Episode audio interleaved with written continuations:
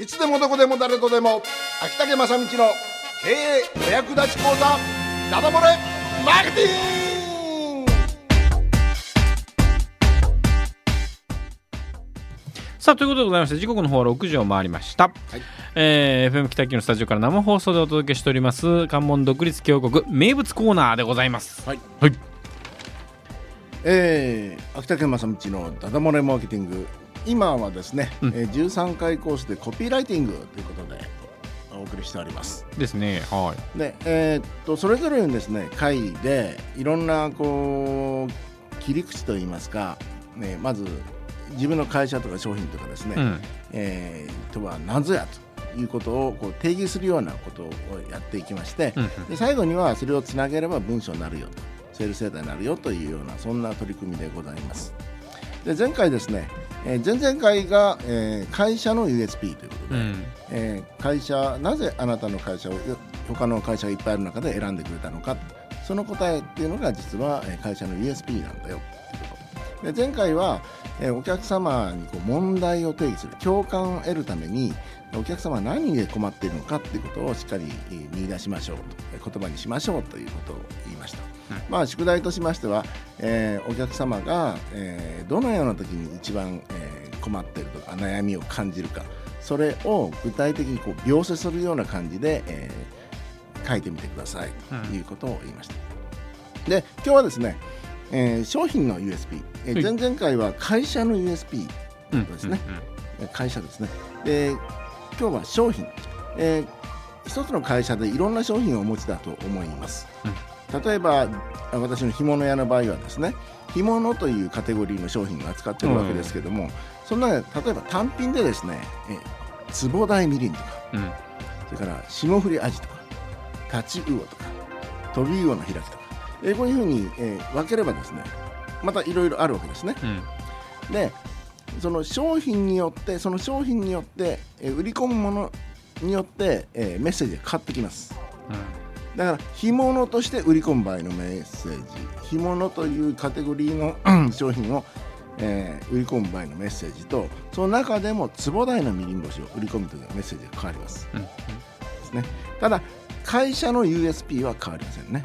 はい。だからこの辺を明確に分けて会社と商品を、えー変えましょ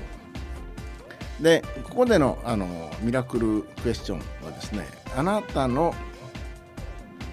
商品を20秒以内で表現するとっていう質問。うん。例えば壺大みりん。っていうのがあったとしましょうみりん。干しじゃあこれ「まるでまるなまるです」というふうな表現をするん。ですねですねそうですねですねうん。うん。でそういうことができますと、えーもう直感的にお客様が、えーあ欲しい、えー、分かる。と要するに USP と言いますのは、えー独自の売りですけど聞いた瞬間にそのターゲットになる人が欲しい。私に売ってください。値段は後回し。ぐらいに、えー心が動くということですので、えーこの商品が〇〇で〇〇な〇〇ですという、えー、つぼつぼ大みりんであればですね、えー魚嫌いの子供最終最後の最終兵器と言われる干物ですみたいな。要は、えー魚嫌いの子がでもですねバクバク食べてですね魚が好きになるっていうぐらいに、えーそういう干物なんですよみたいなことで私は店頭でよく言ってるんですけども、これはですねお客様魚嫌いの子供が魚嫌い対策の最終兵器ですよ みたいなこと言ってますけども、えまあ、そういうふうな「まる、で「まるなまるですっていうを、えー自分の商品で言ってみてください。で重要なことはですね、えーいろんな商品をお持ちだと思います。本当に単品でもねえー例えばたこ焼き屋さんがたこ焼きしか売ってないと本当単品商売ですわね、でその場合にじゃあ、えーねタレがほら醤油とかうん。ソースとかっていう、最近そういうのは結構多いですけど、うん。醤油はどういう商品なのかソースはどういう商品なのか分けられますほとんどの場合まあ本当単品だったらいいんですけどそうじゃないことが最近多いですからだうんうん。からそれぞれにその売り文句を考える。え USP を考えるそうですね。えそれと重要なのが買うお客様によってその言葉は変わります、うん。えー買うお客様と申しますのはターゲットですね。どういう人に売りたいのかによって変わりますので例えば私の干物うちの干物がですね仮に、えー、初汁で味付けした、えー、油ののいい干物ですよっていう、えー、表現してたとしましょう、うん、でもこれがいつもかつもこうそれいろんな人に通用するかというとそうじゃなくて例えば観光客の人であれば、えー、これは、えー、九州九州の名産なのでね、うん、えお土産に買えば大喜びされる干物ですよとかね。だからマスコミの方にこう取り上げてもらいたいということになった時にはこれバナナマンが作る、えー、関門の干物です。と、うん、えー、こういうふうな表現が変わってきます。そうですね、うん、ターゲットによって何パターンも準備する。もちろん、えー、セールスレターを書くときはですね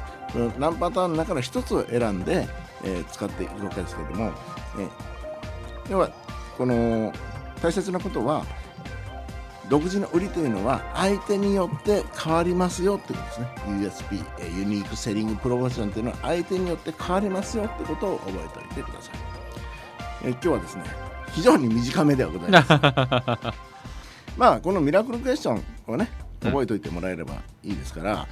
えー、あなたの商品の特徴を20秒以内で表現するとはアンこの商品は〇〇で〇〇な〇〇ですと表現してみてください、うん、はい、これをですね次回までにぜひですねいろんな商品でいろんなパターンでいろんなお客様に対して、えー、考える訓練をしてみてください。というのが、はい、今日のコピーランキングセミナーでございました。いつもの半分ですよ時間、うん、まあでも中身分かりやすかったですね。分かりやすかったですよ、うん、ていうかこれはもうあの実はですね、うん、この USP っていうのは独自の売りっていうのは会社もそうなんですが、うん、えー、この商品の会社の USP も、えー、商品の USP もですね、はっきり年がら年中考えるべきことなんだよね。ああそうですね。うん、うん、でこれを本当に我が物にした時は、業界地図をまるでオセロゲームのようにひっくり返すことできますから。いや本当に、ええ、あでもそれがあの難しいのはその本当はねあの通販健康食品とかそんなんでも、うん、何々が治るって言いたいわけですよ、うん、でも言えない、うん、薬事法の問題があったり、それからモラルの自分のこうモラルの問題であったり、それをいかに表現するかっていうこのせめぎ合いをしてるわけです、皆さん。なるほど、うん、本当にそこで素晴らしいこの USP をつかむっていうかそのワンセンテンスを作るっていうのはですね、うん、もうある意味死に物ぐらいぐらいで、うん、これができればお客様のこと心をぐんぐん掴んでいけるわけです。うん、まあ、あの USP とキャッチコピーをね、あのー、まあ、同じように捉えることもできれば、まあ、違うもんではあるんだけれどもその本当にいいまるまるでまるまるな丸商品なんですってことができれば、うんうん、でもキャッチコピーにポーンって乗っけるだけで売れていく。なるほど。こともできますんでね。だからあのぜひ毎日寝ながら考えるぐらい 頭使っていただくと、はい。えー、頭がマーケティングの脳に変わってくるということでございますね、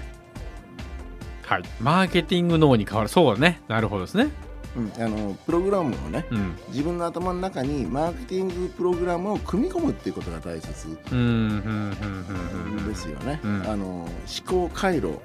組み込む。要するに頭は、まあ、自分の頭はそのパソコンと一緒なんで。うん、でまず OS があって。で皆さん OS あんまり変わらない、うん、OS というかその容量とかハ,、ード面のね、記憶容量とかあって。でそこに、まあ、OS があってこうガンとこう販売管理プログラムとか、うん、ね、ゲームとかどんどん入れるわけですけど、うん、そのプログラムをどう組み込むかっていうのがそのマーケティングの考え方なるほど。を組み込んだらあとは実地でどんどんどんどんそれをプログラムを動かして、えー、情報量をどんどん蓄積していけばいいだけですから頭が勝手に回転させてくれてそれの適切な答えを出してくれるっていうのでまずはそのマーケティング脳としてのプログラムを知ることが大切でそこにプログラムがなければただただ積み込んでいくだけで、受け売れになったりあの自分でこう分析処理することなしに、えーもったいない使い方をしなきゃいけないというのがありますんでね。なるほどですね。はい。見えてきますよ。うん、マといううん。うん。あ、えー、00043がもう、はい。43433だね、433はい。えー津田さんがマーケティングのにっていうことで書いてるまだそうだと思いますね。うんですね。ええうん。はい。ということでございます。はい、はい。えーでは今日はそういうことでマーケティングの。の。うん。なんかテーマ変わりましたね途中から。常にでもこのコーナーに入った時には、うん。もう頭をマーケティングの化しないといけないですねあそうそう。そうそうして聞いていくっていう、うん。マーケティングの、うん。うん。マーケティングのが身につけばね、うん。あのいろんな人が見るのも楽し本当に楽しくなると思いますよ。うん。一つの筋が通った見方でね。はい。ということでございます。はい。締めましたっけ？あれ？はいえー 今日の、はい。えー 秋竹正道、はい。コピーライティングセミナーはマーケティングのを作ろうじゃなくて 商品の USP、独自の売りを、え書き出しましょうでございました。はい